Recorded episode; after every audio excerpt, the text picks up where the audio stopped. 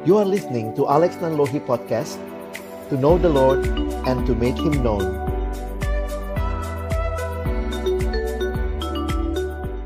Mari sebelum membaca merenungkan firman Tuhan Kita berdoa. Benar ya Tuhan Engkau Allah Yang selalu ada bagi hidup kami Bahkan di saat-saat kami tidak bisa memahami dengan utuh apa yang menjadi rencanamu, tapi yang kami percaya bahwa Engkau Allah yang baik, Allah yang menyatakan kebaikanmu bagi kami, Allah yang menyertai kami bahkan di dalam situasi yang kami anggap bukan situasi yang kami harapkan. Sekali lagi terima kasih melalui perjalanan hidup kami, Tuhan Engkau boleh menyatakan kesetiaan. Kembali hari ini kami akan membuka firman-Mu, kami mohon bukalah juga hati kami, Jadikanlah hati kami seperti tanah yang baik, supaya ketika benih firman Tuhan ditaburkan boleh sungguh-sungguh berakar, bertumbuh, dan juga berbuah nyata di dalam hidup kami. Berkati hambamu yang menyampaikan, setiap kami yang mendengar, Tuhan tolonglah kami semua. Agar kami bukan hanya jadi pendengar-pendengar firman yang setia, tapi mampukan kami dengan kuasa dari rohmu yang kudus, kami dimampukan menjadi pelaku-pelaku firman-Mu di dalam hidup kami, di dalam masa muda kami. Bersabdalah ya Tuhan, kami umatmu sedia mendengarnya. Di dalam satu nama yang kudus, nama yang berkuasa, nama Tuhan kami Yesus Kristus. Kami menyerahkan pemberitaan firman. Amin. Shalom teman-teman sekalian, bersyukur boleh melayani kalian di setia kembali dan kesempatan ini kita akan bersama-sama merenungkan satu tema diberi judul Is It Normal begitu ya. Nah, sama-sama saya akan coba menolong kalian untuk bisa melihat bagian ini. Kalau ada waktu nanti cukup kita bisa tanya jawab ya. Nah, Abang mulai dengan slide yang pertama waktu kita bicara hal ini, next slide, bahwa kita sedang hidup dalam situasi uh, pandemi. Ini global pandemi berkaitan dengan Covid ini sebenarnya ada banyak yang hal yang menarik yang bisa kita uh, apa ya hayati uh, pikirkan renungkan dari situasi ini. Seperti yang tadi kita nyanyikan bahwa kadang-kadang kita makin bingung begitu Tuhan mengapa tidak Tuhan hentikan? Kita yakin Tuhan punya kuasa menghentikan tapi saya juga melihat ini menjadi bagian yang uh, saya pikir kita harus bertanya. Mungkin yang kita perlu adalah mengganti pertanyaan kita dengan pertanyaan yang tepat bahwa dalam situasi seperti ini apa yang Tuhan mau ajarkan kepada kita. Teman-teman, bicara soal uh, virus corona ini awalnya masalah kesehatan, sekarang sudah jadi masalah global berkaitan sama ekonomi, berkaitan sama sosial, bahkan berkaitan sama politik begitu ya. Dan juga pendidikan kalian harus belajar di rumah dan seterusnya. Tapi yang menarik juga bahwa new normal apa uh, jadi bagian yang kita harus berdamai ya. Itu istilah yang dipakai next slide ya. New normal. Jadi memang juga banyak istilah ya di situasi seperti ini. Uh, kita harus berdamai dengan realita virusnya masih ada, belum ditemukan vaksinnya, tetapi kita tidak bisa tinggal di rumah terus. Secara khusus untuk sektor ekonomi perlu berjalan, maka akhirnya pemerintah melonggarkan di beberapa negara juga telah melakukan uh, pembatasan yang mulai dilonggarkan untuk kemudian orang diminta berdamai dengan virus ini dan mematuhi protokol-protokol kesehatan berkaitan dengan new normal menjaga kesehatan dalam situasi seperti ini. Teman-teman, uh, waktu saya renungkan istilah-istilah seperti ini sebenarnya kalau dibilang new normal juga ya tergantung ya. Karena kan realitanya itu hal yang sebenarnya sangat basic ya. Cuci tangan bayangkan itu jadi sesuatu yang diharapkan dalam new normal kita sering cuci tangan, kita kemudian ada etika batuk, etika bersin lalu memakai masker untuk beberapa orang yang dulu sebelum situasi Covid pun udah rajin pakai masker buat mereka this is not a new normal, this is normal for me. Buat teman-teman saya para dokter yang memang Uh, karena dari dulu diajarkan selalu cuci tangan dengan standar kebersihan yang tinggi. Mereka bilang ya, for us this is not a new normal, but this is a normal continue ya. Nah, situasi kerohanian menjadi hal yang penting juga kita perhatikan yang mana yang normal ya. Jadi mungkin sekarang coba kita uh, evaluate ourselves ya. Apalagi ini saya dengar PDJ terakhir pertanyaannya begini.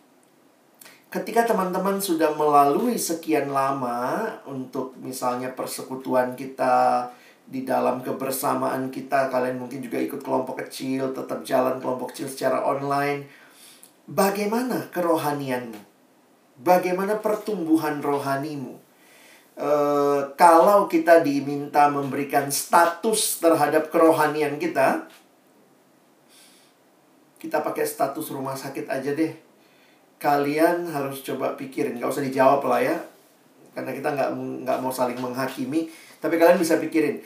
Kalian sedang gawat banget di ICU sedang ada di ICU kah kerohanianmu? Atau mungkin sedang ada di kamar rawat inap biasa? Atau kalian baru masuk IGD atau kalian cuma rawat jalan Mungkin yang paling ngeri juga apakah kalian di kamar jenazah begitu ya. Coba perhatikan secara khusus kerohanian kita dan mari melihat sebenarnya kerohanian yang normal itu seperti apa. Nah, saya ingin mengajak melihat, uh, mengajak kita melihat beberapa ayat firman Tuhan yang akan menolong kita memahami sebenarnya bagi kita orang percaya what is our normal things to do. Dan waktu tidak terjadi hal seperti itu, maka mungkin kita perlu untuk aware ya, kita perlu untuk aware, kita perlu untuk waspada dan tidak menganggap ini hal yang biasa-biasa saja. Jadi sekali lagi, kesempatan ini biarlah juga Tuhan pakai menolong kita merefleksikan sejauh mana pertumbuhan rohani kita terjadi di dalam waktu-waktu yang sudah Tuhan berikan secara khusus waktu teman-teman terlibat di dalam uh, potri di dalam setia potri ini ya uh, kalian bisa mengalami pertumbuhan rohani yang baik. Next slide. Nah, saya kutip dari perjanjian lama terlebih dahulu di dalam Yeremia pasal 9 ayat 23 sampai 24. Nah, uh, Abang bacakan buat kita. Beginilah firman Tuhan, janganlah orang bijaksana bermegah karena kebijaksanaannya, Janganlah orang kuat bermegah karena kekuatannya.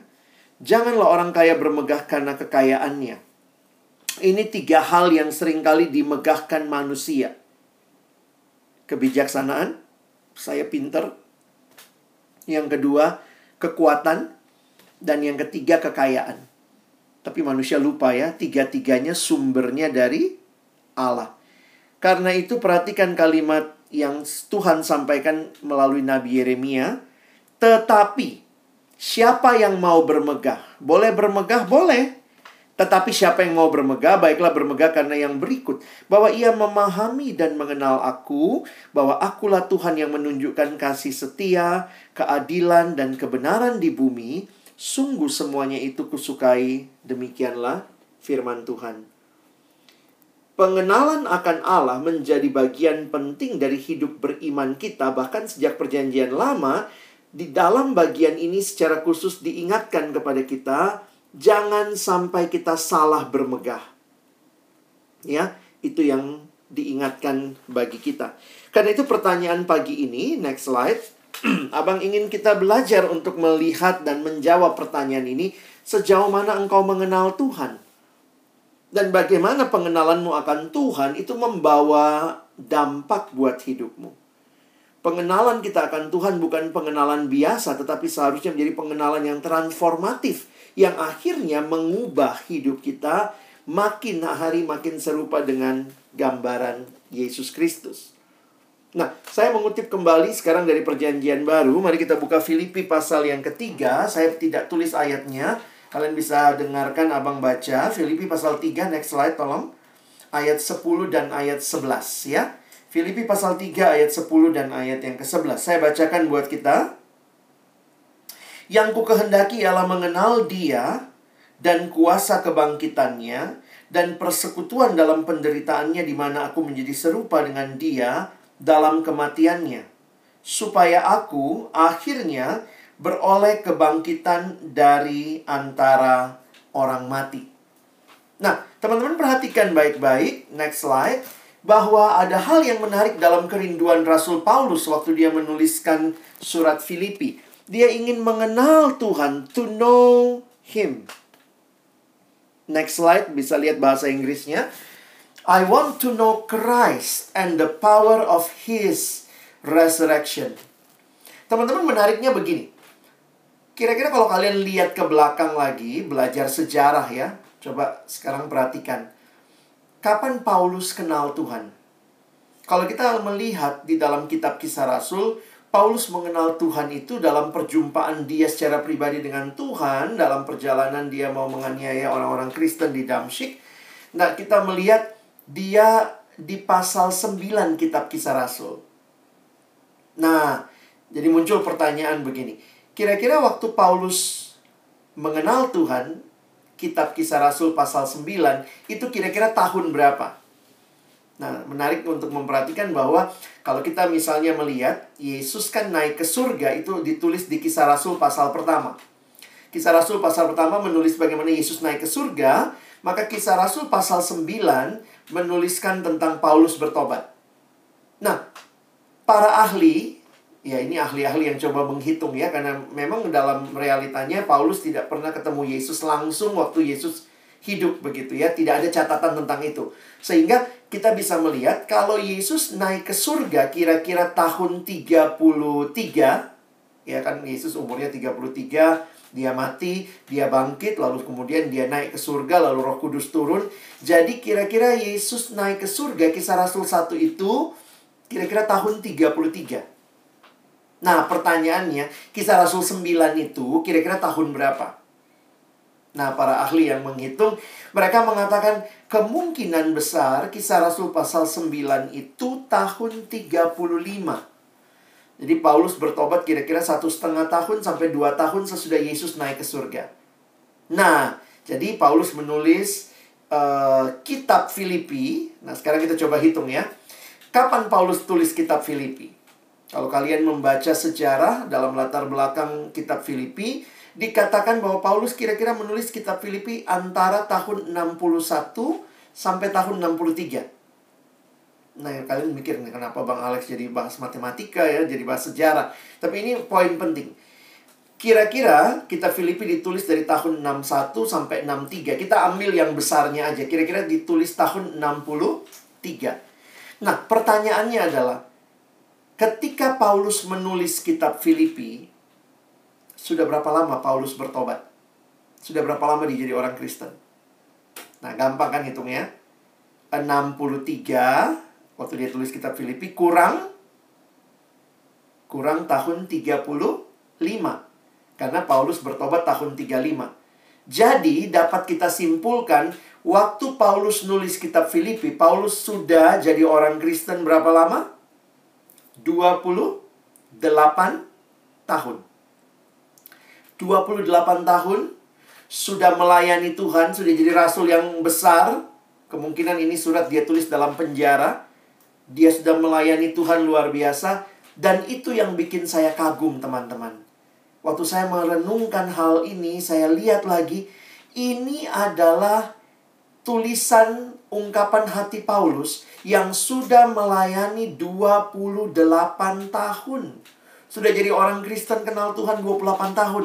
Kerinduannya, maaf saya harus katakan, kerinduan Paulus tuh kayak anak kayak anak baru ya yang baru ikut camp penginjilan gitu ya. Yang baru ikut Bible camp campnya pot, potri gitu ya. Apa kerinduanmu Paulus? Saya lagi bayangkan kalau ada surat kabar mungkin Filipi Post waktu itu datang dan mewawancarai Rasul Paulus. Mungkin dia bertanya, Rasul Paulus, kamu rasul yang besar sekali, luar biasa pelayananmu. Kamu sudah pelayanan ke banyak tempat, sudah 28 tahun jadi orang Kristen. May I know what is your greatest desire? Lalu Paulus jawabnya apa? Yang ku kehendaki ialah mengenal dia. Wow, so simple but also so deep.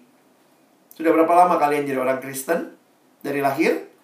Mungkin latar belakang keluarga Kristen, papa Kristen, mama Kristen, kamu Kristen, atau ada yang baru Kristen karena sekolah-sekolah Kristen, papa mama belum percaya, atau mungkin kamu ada yang baru ikut potri, baru sungguh-sungguh menyadari jadi Kristen. Tapi pertanyaannya bukan berapa lama kamu sudah jadi Kristen, tetapi apakah kerinduan yang dalam untuk kenal Tuhan terus ada di dalam kehidupanmu? Teman-teman, bagi saya ini sesuatu yang luar biasa dari Paulus. Mengenal Tuhan bukan suatu target, tujuan bagi Paulus, tetapi mengenal Tuhan adalah sebuah perjalanan iman seumur hidup. Pengenalan akan Tuhan bukan sesuatu pencapaian. Saya udah tahu tentang Tuhan. Justru Paulus berkata saya ingin kenal dia. Bahkan kalau nanti kalian lanjut ke ayat 12 sampai 14, Paulus berkata saya belum memperolehnya, saya terus berusaha mengejarnya. Ini satu humbleness, satu kerendahan hati yang luar biasa. Banyak orang sudah jadi Kristen, sudah jadi sudah jadi pengurus, sudah jadi pelayan di gereja sombong, seolah-olah sudah kenal Tuhan dan merasa I am everything. But Paulus di sini tidak. Sekian lama mengenal Tuhan, kerinduannya makin dalam, makin dalam, makin dalam kenal Tuhan. Teman-teman, bagaimana kita evaluasi hidup kita ya? Kerohanian kita ini kerohanian bagaimana? Makin mau kenal Tuhan atau makin merasa saya sudah kenal Tuhan? Next slide. Saya tuliskan di sini, bayangkan ya, ada tujuan hidup Paulus adalah mengenal Allah. Seluruh aspek hidup Paulus diarahkan untuk mengenal Allah, termasuk pelayanannya. Paulus pun merindukan dia semakin mengenal Allah. Teman-teman, orang yang dewasa rohani itu orang yang seperti apa? Bukan orang yang puas diri, merasa sudah tahu, sudah PKK, sudah pengurus, atau mungkin sudah jemaat setia, atau menang Bible quiz karena banyak pengetahuan. Tetapi orang yang dewasa rohani dalam satu buku dituliskan begini. Siapakah yang dewasa secara rohani? Orang yang dewasa rohani adalah orang yang senantiasa sadar dia belum dewasa secara rohani. Saya ulangi ya. Siapa orang yang dewasa rohani?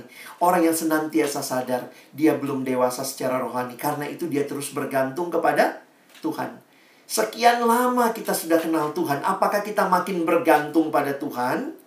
Atau kita makin merasa dekat sama Tuhan sampai kita ngerasa ya sudahlah saya nggak usah bergantung sama Tuhan gitu ya. Kerinduan Paulus sangat mendasar. Jadi pengenalan akan Tuhan ini sebuah proses seumur hidup teman-teman satu-satunya mata kuliah yang SKS-nya tidak pernah selesai di dalam dunia ini adalah mata kuliah mengenal Tuhan. Jadi, alami itu. Wisudanya nanti di sono. Ada yang mau wisuda duluan? Titip salam ya. Ini menolong saya menyadari bahwa tidak mudah. Nah, ada beberapa aspek relasi atau aspek pengenalan yang saya mau bagikan. Next. Saya menuliskan begini ya pengenalan yang Paulus miliki adalah pengenalan yang lebih daripada sekedar pengetahuan atau informasi. Sebenarnya kalau kalian baca ayat 11-nya, yang dia katakan adalah aku ingin mengalami ya. Sebenarnya dalam bahasa lain digunakan istilah ayat 10 ya. Mengenal dia dan kuasa kebangkitannya dan persekutuan dalam penderitaannya di mana aku menjadi serupa dengan dia dalam di dalam kematiannya dan akhirnya jadi serupa dengan kebangkitannya. Perhatikan, ini bukan sekedar pengenalan kognitif. Bukan pengenalan informasi. Tetapi, next slide, adalah pengenalan yang dimulai di dalam relasi atau iman kepada Kristus. Jadi pengenalannya ini pengenalan yang saya bilang tadi adalah pengenalan yang transformatif. Mengenal bukan sesuatu teori yang saya tahu, tapi pengenalan itu mengubah hidup saya. Teman-teman, kamu bisa kebaktian setiap minggu, bisa ke gereja setiap minggu, bisa baca Alkitab saat teduh setiap hari. Tetapi apakah itu hanya sekedar informasi? Ataukah engkau mengalami relasi dengan Tuhan dan itu sesuatu yang transformatif sifatnya? Pengenalan yang dikatakan next slide. Ini yang Paulus bilang ya. Mengenal dia dan kuasa kebangkitannya menjadi serupa dengan dia dalam kematiannya. Saya suka kasih ilustrasi begini. Nah, ini kalian bisa jawab ya di grup di room chat nanti. Biar saya bisa lihat juga ya. Saya kasih dua kalimat. Kalian pilih. Dari dua kalimat ini, kalian lebih suka kalimat yang mana? Ya, abang kasih. Kalimat pertama begini. Perempuan paling kaya di dunia adalah Ratu Elizabeth dari Inggris. Ini kalimat pertama. Kalimat kedua. Perempuan paling kaya di dunia adalah Ratu Elizabeth dari Inggris, dan dia memberikan semua kekayaannya kepada saya. Ayo, kalian lebih suka kalimat pertama atau kalimat kedua? Ayo ambil waktu setengah detik, 30 detik maksudnya. Coba jawab di grup chat. Satu apa dua? Lebih suka kalimat mana? Yang pertama apa yang kedua?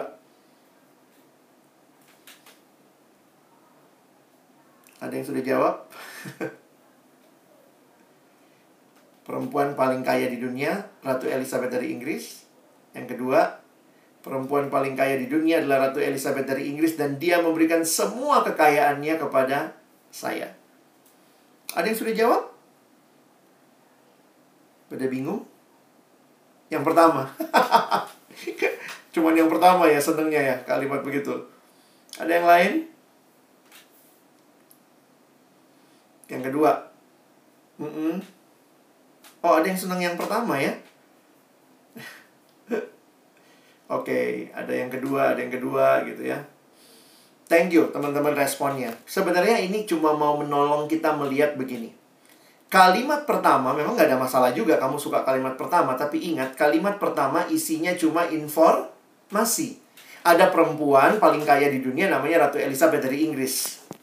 Kata anak sekarang ya so what gitu loh, ya nggak ada hubungannya sama gua. Tetapi kalimat kedua bukan sekadar informasi, tetapi ada sebuah re relasi bahwa dia yang paling kaya itu, perempuan itu, memberikan kekayaannya kepada saya. Teman-teman, waktu saya merenungkan ilustrasi sederhana ini, pengenalanmu akan Tuhan yang bagaimana?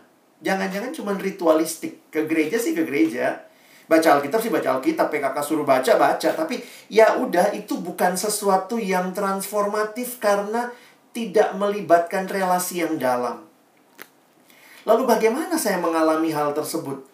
Teman-teman, inilah sebenarnya misteri hidup Kristen di mana kita sebenarnya mengenal Allah yang hidup. Ingat, Allah kita bukan patung yang kita kenal. Oh, patungnya dia punya, mungkin di patung itu ada rambutnya, ada matanya, ada telinganya. Kita tidak mengenal Allah seperti itu. Tetapi Allah yang kita kenal adalah Allah yang hidup, Allah yang berelasi, Allah yang karakter-karakternya begitu nyata. Waktu kita baca firmannya, maka kita pun belajar menjadi serupa dengan Kristus mau seperti anak Allah yang adalah teladan kita yaitu Yesus Kristus. Makanya ini kerinduan Paulus bukan cuma pengenalan tetapi keserupaan. Bisa lihat di ayatnya? Kalau tidak teman-teman, jujur aja. Kekristenanmu akan jadi boring dan ritualistik. Baca Alkitab, baca, disuruh datang ya, datang ya PDJ ya, ya udahlah datanglah, mampir bentar begitu ya tapi kalau engkau punya pengenalan di dalam relasi dengan kerinduan serupa dengan Kristus dan itu memang sebenarnya hanya mungkin dikerjakan oleh kuasa Roh Kudus yang engkau dan saya miliki dan kita meminta Roh Kudus untuk boleh memenuhi kita. Itu butuhnya ketaatan. Teman-teman saya makin sadar Roh Kudus itu yang berikan kerinduan tetapi Roh Kudus bekerja selalu di dalam ketaatan kita. Karena roh kudus di dalam Alkitab beda sekali sama roh jahat. Roh jahat itu dikatakan di Alkitab merasuk. Orang itu nggak punya pilihan, dirasuk dia. Tetapi roh kudus selalu adalah roh yang memberikan kebebasan dan menuntun, memimpin. Karena itu perhatikan istilah di dalam Alkitab roh kudus tidak merasuk kita. Teman-teman punya pilihan untuk dipimpin dan dituntun. Serahkan diri pada Tuhan. Kalau engkau mau kekristenanmu normalnya bukan ritualistik karena bukan itu, tetapi kerinduan untuk menjadi Kristen yang sungguh-sungguh taat. Engkau dan saya harus taat kepada firman Tuhan, taat kepada Roh Kudus, itulah yang akan membuat kuasa Allah yang sudah ada dalam diri kita itu akan dengan nyata kita alami.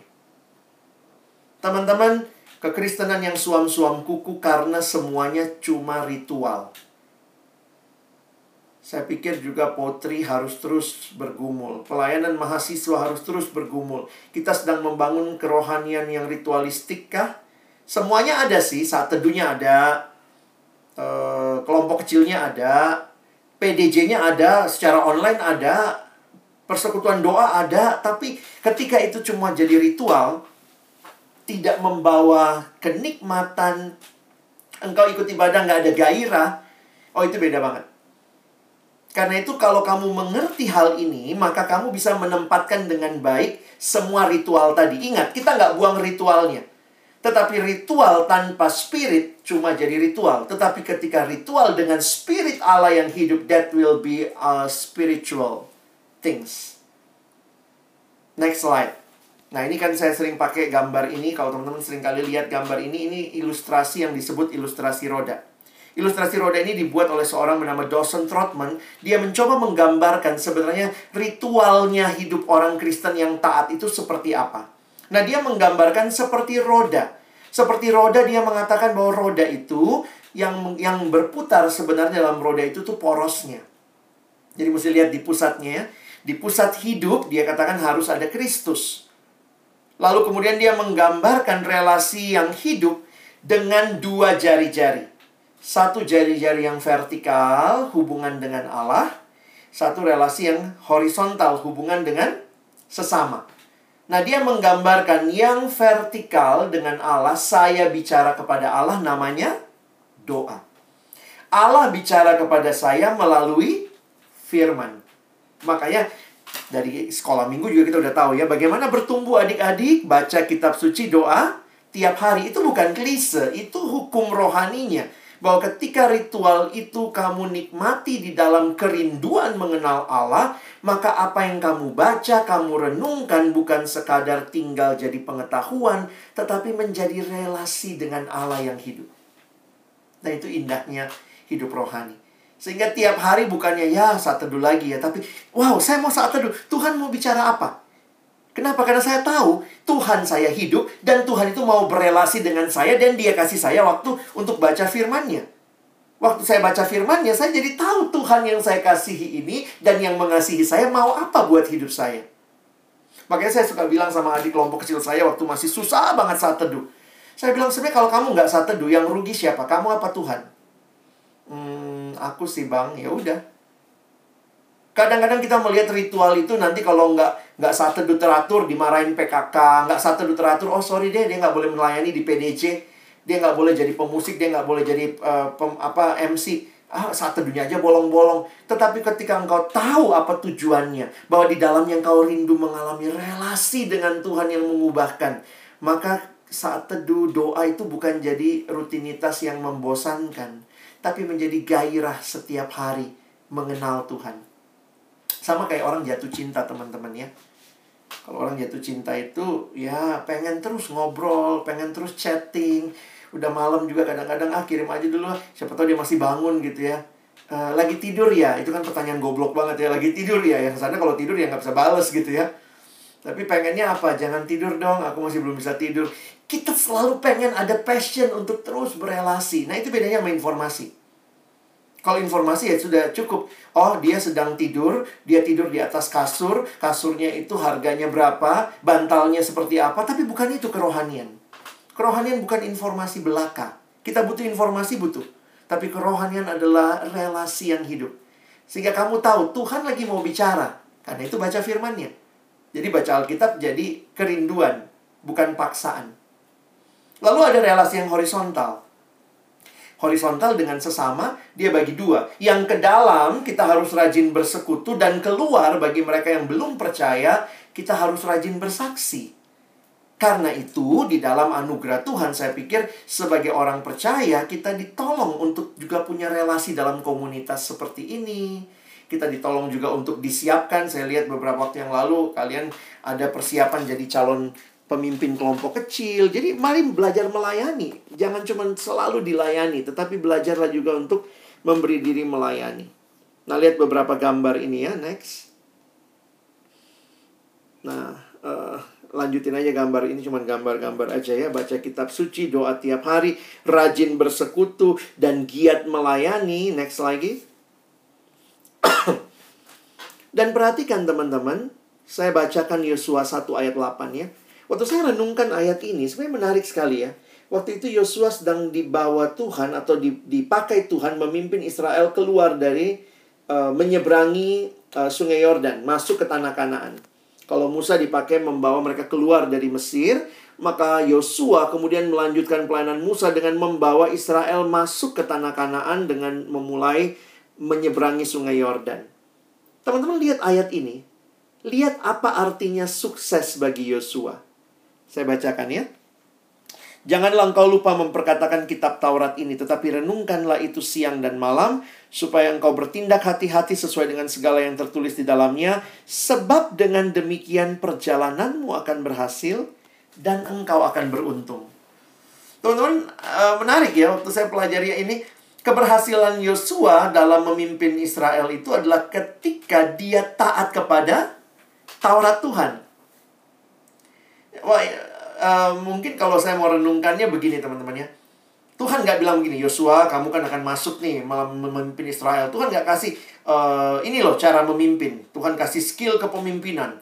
Bagaimana skill management? Kalian kan TSM ya, Trisakti School of Management. Bagaimana management system? Bagaimana mengelola uh, leadership dan segala macam. Tapi Tuhan bilang, you want to be a great and successful leader? Obey my word. Taati firmanku. Wow, saya pikir jadi dari dari pengertian itu teman-teman saya akhirnya jadi ngerti begini. Jangan cuma nanti jadi alumni, kalian sibuk sama kerja aja lalu udah nggak saat teduh, udah nggak doa. Makanya kalau sampai hari ini terus diingatkan, kesannya kayak klise banget lah, itu lagi, doa lagi, saat teduh lagi. Karena keberhasilan perjalanan hidupmu adalah perjalanan taat pada firman. Dan ini perjalanan relasional. Terus datang sama Tuhan terus dibaharui oleh firman, terus serahkan hidup kepada Tuhan. Datang lagi sama Tuhan, baca firman, dibaharui, komunitas menolong, membangun kita. Inilah hidup beriman kita. Jadi pertanyaannya buat kita hari ini adalah next slide, apakah kamu murid yang bertumbuh dalam Kristus? Atau jangan-jangan kalau kamu lihat, aduh aku lagi nggak bertumbuh nih bang. Kenapa? Saat teduh nggak ada gairah, Eh, ketemu Cici Koko pemimpin kelompok kecil pengurus kayaknya mau lari-lari aja. Karena kayaknya pertanyaannya itu lagi udah satu belum? Udah doa belum? Kayaknya ya ampun klise banget sih nih orang-orang kayak nggak ada ada hidup yang lain gitu ya. Tapi this is a very basic things. Paulus bilang apa? Yang ku kehendaki ialah mengenal dia dan kebanggaannya ada di situ. Next slide Paulus dalam kitab Kolose menggambarkan kepenuhan hidup dalam Kristus dengan gambaran yang menarik. Paulus ini pinter banget teman-teman ya. Dia menguasai kenapa banyak bidang atau paling tidak begini. Dari tulisan-tulisannya kita lihat bagaimana dia mengutip berbagai bidang. Ketika bicara kerohanian yang dewasa dalam Kristus, dia bicara tentang ilustrasi pertanian nih. Kamu telah menerima Kristus Yesus. Jadi terima Yesus itu bukan akhir hidup rohani ya. Oh kemarin dia ikut KKR terima Yesus. Bukan akhir hidup rohani. Perhatikan ayat 6 kamu telah terima Yesus Kristus Tuhan kita. Karena itu, nextnya setelah kamu terima Yesus, hiduplah tetap di dalam dia. Nah, Paulus perlu menggambarkan bagaimana hidup tetap di dalam dia. Dia gambarkan dengan gambaran pertumbuhan. Pertama, dia pakai ilustrasi pertanian. Berakar di dalam dia, itu ke bawah. Lalu, Paulus pakai lagi ilustrasi. Ini semua kalau kalian cek bahasa aslinya. Yang pertama ini ilustrasi pertanian, masalah berakar, rooted in him. Yang kedua, ini pakai istilah teknik sipil, teman-teman ya. Paulus luar biasa. Jadi ini dibangun ke atas gitu ya, dibangun di atas dia. Jadi ke, ke dalam berakar, dibangun di atas dia lalu bertambah teguh dalam iman yang telah diajarkan kepadamu dan ada hati yang melimpah dengan syukur. Jadi jujur aja waktu saya mempelajari ayat ini ya jelas hidup beriman itu adalah hidup menikmati Tuhan makin berakar, makin bertumbuh. Dan ini yang Paulus rindukan dialami oleh jemaat dan termasuk bagi kita tentunya yang juga kita tahu bahwa Tuhan rindu kita terus bertumbuh. Next slide. Bertumbuh dalam Kristus, gambarannya harusnya seperti ini gitu ya, seperti pohon yang ditanam di tepi aliran air yang selalu menghasilkan buahnya pada musimnya dan yang tidak layu daunnya, apa saja yang diperbuatnya berhasil. Nah, mengakhiri kitab 2 Petrus, next slide, kita lihat kalau Paulus bicara pertumbuhan, ternyata Petrus juga sama. Kondisi dua Petrus itu ada dua tantangan. Pertama, ada tantangan dari luar jemaat, ada penderitaan terhadap orang-orang Kristen yang dilakukan oleh orang-orang yang nggak yang benci sama kekristenan. Kalian bisa lihat itu sebenarnya di satu Petrus itu kitab penderitaan. Jadi ada tantangan dari luar. Jadi orang Kristen ini dibenci karena hidupnya benar. Lucu ya hidup benar malah dibenci. Nah itu yang terjadi sering kali kita kita nggak mau nyontek, kita nggak mau ikutin teman, kita dianggap kuper, di, dikucilkan. Itu dialami jemaat uh, di yang disurati Petrus. Ada tantangan dari luar, tapi yang kedua juga ada tantangan dari dalam. Itu sedikit di bagian 2 Petrus, khususnya pasal 3, bahwa Petrus mengatakan ada guru-guru palsu. Jadi dari luar ada penderitaan, dari dalam ada ajaran sesat. Lalu Petrus tutup suratnya. Nanti lihat ya, ini ayat terakhir di surat 2 Petrus. Dengan kata tetapi. Jadi seolah-olah dia mau menggambarkan meskipun ada guru palsu.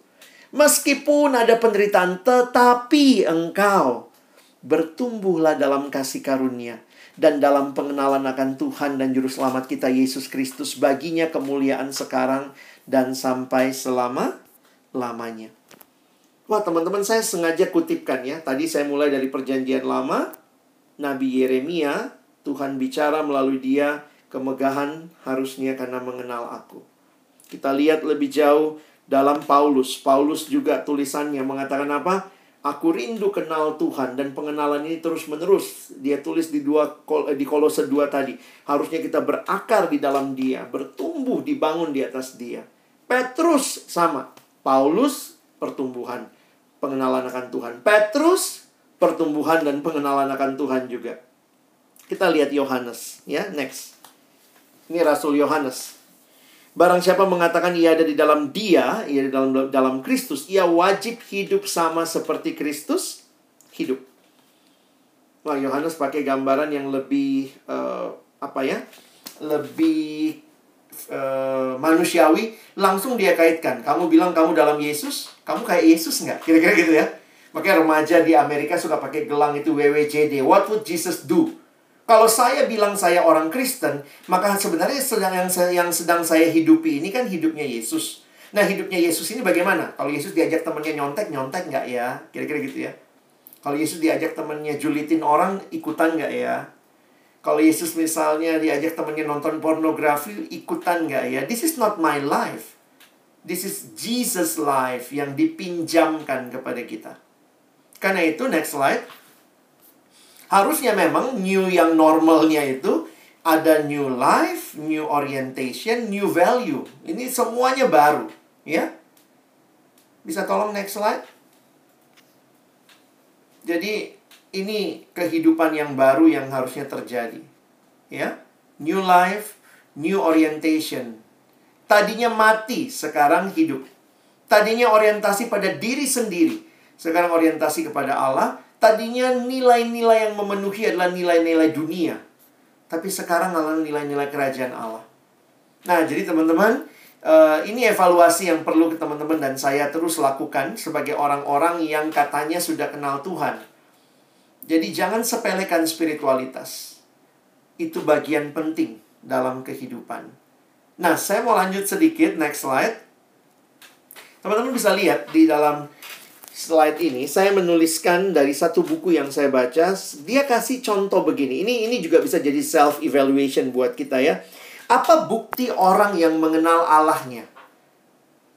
Lalu dia memberikan empat bukti. Next. Kita mulai yang pertama ya empat bukti yang pertama, mereka yang kenal Tuhan, those who know God have great energy for God. Ayo coba evaluasi hidup kita. Katanya kalau kita sungguh-sungguh kenal Tuhan, kita pasti punya energi yang besar untuk Tuhan. Maksudnya apa? Energi, ke kekuatan yang misalnya kita mau untuk bangun. Saya mau kebaktian, saya mau ibadah, saya mau kenal Tuhan. Cuci muka, saat teduh, itu ada energi yang kita dapat karena apa? Karena kita mau kenal Tuhan. Ini kayak orang jatuh cinta sih bener ya. Rumahnya di mana pacarmu? Oh, di Bogor, tapi pagi-pagi bangun. Kalau bisa naik kereta yang paling pagi misalnya atau naik nyetir mobil sendiri misalnya ke sana berusaha secepat mungkin sampai you have great energy for God. Jadi kalau kita males-malesan, mungkin kita perlu tanya juga nih, saya kenal Tuhan yang cuma kognitif, cuma ritualistik atau saya benar-benar menikmati ritual itu karena saya mau kenal Tuhan, saya rindu kenal Tuhan. Ini ini terus saya saya jadikan evaluasi bagi hidup saya. Kalau udah mulai malas-malas gitu ya. sebenarnya lu ngapain sih Lex gitu ya kamu kenal Tuhan nggak sih masa pengenalanmu akan Tuhan tidak bawa perubahan apa apa dalam hidupmu tetap malas malas aja gitu saya pikir no kekristenan bicara tentang hidup yang new yang baru dan itu yang normal buat kita. Kalau kita masih hidup dengan yang lama, itu nggak normal. Next. Great thought. Jadi kalau tadi great energy, kemudian great thought. Nah, saya pikir ini buat teman-teman yang pengurus mungkin ya, saya pikir itu kalau jadi pengurus, jadi pemimpin kelompok kecil kan mikirin anak kelompok kecil kita bagaimana mereka bertumbuh dalam Tuhan pengurus mikirin bagaimana jemaat bertumbuh. Kalian rapat, kadang-kadang mungkin sampai kalau biasa mungkin sampai malam mikirin tema-tema. Saya pikir if you really love God, then you have great thought of God. Kalian rindu baca buku untuk mengerti apa sih sebenarnya doktrin kekristenan ini, apa sih yang Tuhan mau sampaikan. Next lagi. Great boldness yang ini kita lewatin juga ya dari great boldness ini bicara tentang keberanian yang besar. Kalau orang jatuh cinta dia berani tuh. Mana bapaknya? Saya hadapin deh. I love her gitu ya. I love him misalnya. Apakah you have, you show your great boldness for God? Dan ini yang sering kali saya lihat banyak orang ya saya juga suka ngalamin kadang-kadang tuh I have great boldness untuk apa? Saya beraninya untuk hal-hal yang saya suka hal-hal yang sebenarnya bukan bersifat kekal begitu ya. Next slide yang terakhir. Nah, ada bukti yang terakhir adalah great contentment. Contentment ini bicara kepuasan. Kalau Tuhanlah yang benar-benar kita rindukan, maka kepuasan kita yang paling sejati pun adanya di dalam Tuhan. Bukan sekadar dalam drama Korea, bukan berarti nggak boleh nonton ya. Bukan sekadar dalam game online, tapi kalau kamu puasnya karena game, karena yang lain, saya pikir you need to know God more. Bagaimana caranya? Doa. Mintalah kerinduan yang dalam itu. Dan mulailah langkah-langkah ketaatan. Karena apa? Roh Kudus sekali lagi yang sudah diberikan di hati kita akan bekerja dengan luar biasa di dalam ketaatan. Karena apa? Karena Roh Kudus bukan roh yang merasuk, tetapi roh yang memimpin. Kalimat dalam Kolose, uh, sorry, dalam Galatia mengatakan hiduplah oleh roh. Berilah di, dirimu dipimpin oleh roh. Jadi ini bicara penyerahan diri kepada Tuhan berarti belajar langkah-langkah taat dan setia. Mulai belajar bangun pagi. Mulai belajar bangun pagi cari Alkitab. Mulai belajar dapat sesuatu renungkan, tulis kalau perlu, bagikan kepada orang lain. Jadi ini empat bukti yang teman-teman bisa coba evaluasi termasuk juga ya jangan-jangan saya sekarang sudah ada di IGD ini bang. Kenapa? Kok saya nggak punya semua yang abang bilang ya? Ya saya berharap kiranya evaluasi ini menolong kalian untuk melihat dirimu lebih jauh. Next slide. Ini gambar tadi saya udah jelaskan buat kalian. Tapi se sekali lagi kalau kamu alami spiritnya dan these rituals will be a spiritual disciplines that transform yourself. Karena kalau tidak saat teduh, doa, datang kebaktian, ikut pelayanan itu cuma jadi ritualistik bagimu.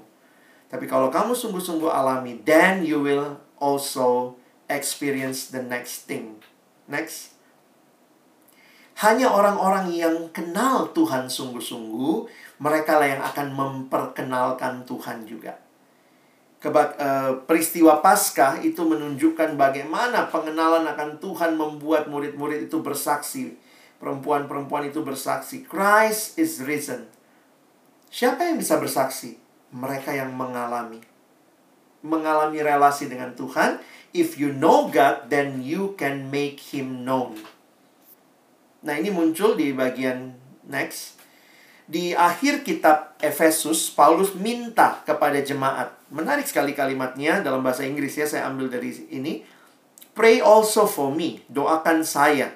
Sehingga setiap kali saya membuka mulut saya, saya diberikan perkataan yang bisa saya sampaikan tanpa takut untuk memperkenalkan misteri Allah. Kira-kira begitu terjemahannya ya. Tapi saya senang dengan istilah dalam bahasa Inggris, make known Filipi Paulus bilang, I want to know him. Efesus Paulus berkata, pray so I can make him known. Teman-teman kita yang sudah kenal Tuhan tidak berhenti pada diri kita. Kan itu lihat next, Filipi pasal 1. Kadang-kadang orang suka baca ayat ini karena bagiku hidup adalah Kristus. Orang bilang, oh itu ayatnya Ahok ya. Tapi ini bukan Ahok yang ngomong, ini yang ngomong pertama kali Paulus. Dan kadang-kadang saya pikir kita salah ngerti, atau bukan salah ngerti, kita tidak utuh mengertinya. Kita sering kali hanya ngerti Filipi 1 ayat 21. Kita lupa ada lanjutannya. Karena bagiku hidup adalah Kristus. Maksudnya, uh, Paulus mau mengatakan, bagiku hidup adalah Kristus dan mati adalah keuntungan kadang-kadang kita senangnya bagian matinya ya. Maksudnya dia kalau tugas sudah banyak, aduh mati aja deh langsung ketemu Tuhan selesai di dunia itu kan mahasiswa sukanya begitu ya, mau mati aja supaya bebas tanggung jawab. Karena malas ngerjain tanggung jawab, lalu berharap Tuhan datanglah, matilah karena di sana tidak ada susah, tidak ada lelah begitu ya. Tapi perhatikan kalimat Paulus yang Ahok kutipkan cuma 1 ayat 21. Bagiku hidup adalah Kristus dan mati adalah keuntungan. Karena waktu itu dia ngalamin juga bicara kalau saya harus mati, saya untung. Tapi jangan lupa loh. Kalau engkau dan saya belum mati, lihat ayat berikutnya. Makanya ada kata tetapi jika aku harus hidup di dunia ini. Paulus bilang sih saya sih pengennya mati. Tapi kalau aku harus hidup di dunia ini berarti bagiku bekerja memberi memberi buah. Jadi teman-teman uh, jangan jangan jangan jadi orang Kristen yang juga cepat menyerah dengan situasi ya. Justru dengan situasi yang ada, kalau Tuhan masih kasih kita hidup, itu berarti apa? Bekerja memberi buah. Next slide. Nah, dan bagi saya, waktu pelajari tentang buah, menarik ya teman-teman ya. Kadang-kadang kita bicara buah, langsung di pikiran kita bagaimana saya berbuah bagi orang lain. Ternyata setiap kali Alkitab bicara buah, pertama dan terutama bagaimana buah itu terjadi dalam diri kita dulu. Next slide. Nah, ini kita tahu lah ya. Buah roh ialah kasih, sukacita. Ini sebenarnya semuanya karakter. Karakter-karakter ilahi yang diberikan Tuhan kepada kita. Teman-teman perhatikan istilahnya. Ini adalah buahnya roh. Jadi ini bukan buah naturalnya Alex gitu ya, bukan buah naturalnya siapa Bernard gitu. Uh, uh, teman-teman yang ada di sini. Ini buah yang natural. Kalau kita punya buah yang natural dalam dosa, bukan ini.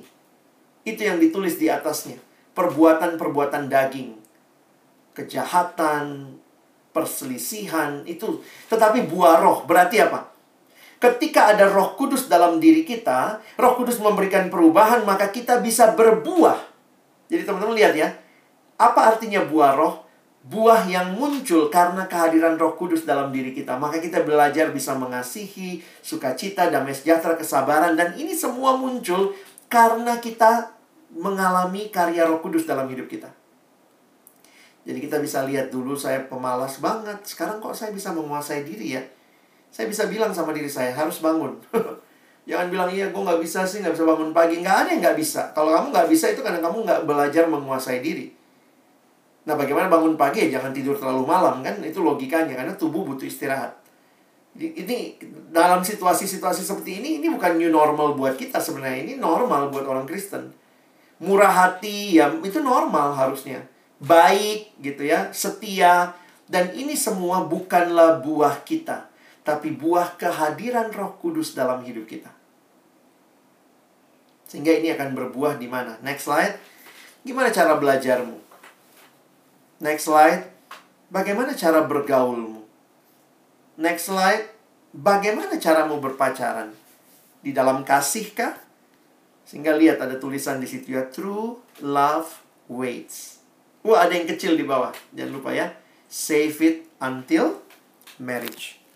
Jadi teman-teman, realita ini menolong saya melihat bahwa ketika Tuhan kita mengenal Tuhan, Tuhan membawa perubahan pertama-tama dalam hidup kita. Dan akhirnya hidup yang diubahkan itulah sebenarnya kesaksian yang sangat powerful bagi dunia. Saya simpulkan, hidup orang Kristen yang normal. Next slide. Next lagi yang paling akhir ya. Inilah sebenarnya hidup normal kita. To know Jesus and to make him known. Mengenal dia, ini perjalanan seumur hidup, belum ada kita yang sempurna, kita sedang terus berjuang. Kalau kita gagal, maju lagi, diubahkan lagi. Tapi kemudian ketika kita berubah, ada buah yang muncul dan akhirnya kita pun boleh jadi saksi to make him known. Hidupmu biarlah menjadi hidup yang menyatakan Tuhan kepada dunia. Kiranya Tuhan menolong kita bukan hanya jadi pendengar firman, tapi sungguh-sungguh jadi pelaku-pelaku firman dalam nama Tuhan Yesus. Amin.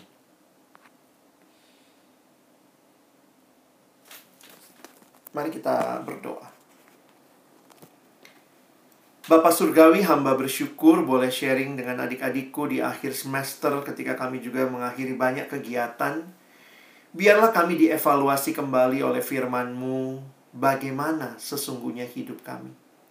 Bagaimana kami telah mengalami pembaharuan dan perubahan di dalam Tuhan. Sehingga kami semakin kenal Tuhan, semakin serupa dengan Kristus dalam karakter-karakter kami, semakin menyatakan buah roh yang ada lahir dari hidup yang dipimpin Roh Kudus. Dan akhirnya juga menjadi saksi di tengah-tengah dunia ini. Di tengah keluarga kami mungkin yang belum percaya, kami berdoa jadikan kami saksimu. Di tengah-tengah teman-teman kami, pergaulan kami, mereka banyak yang belum kenal Tuhan, biarlah kami dipakai jadi saksi.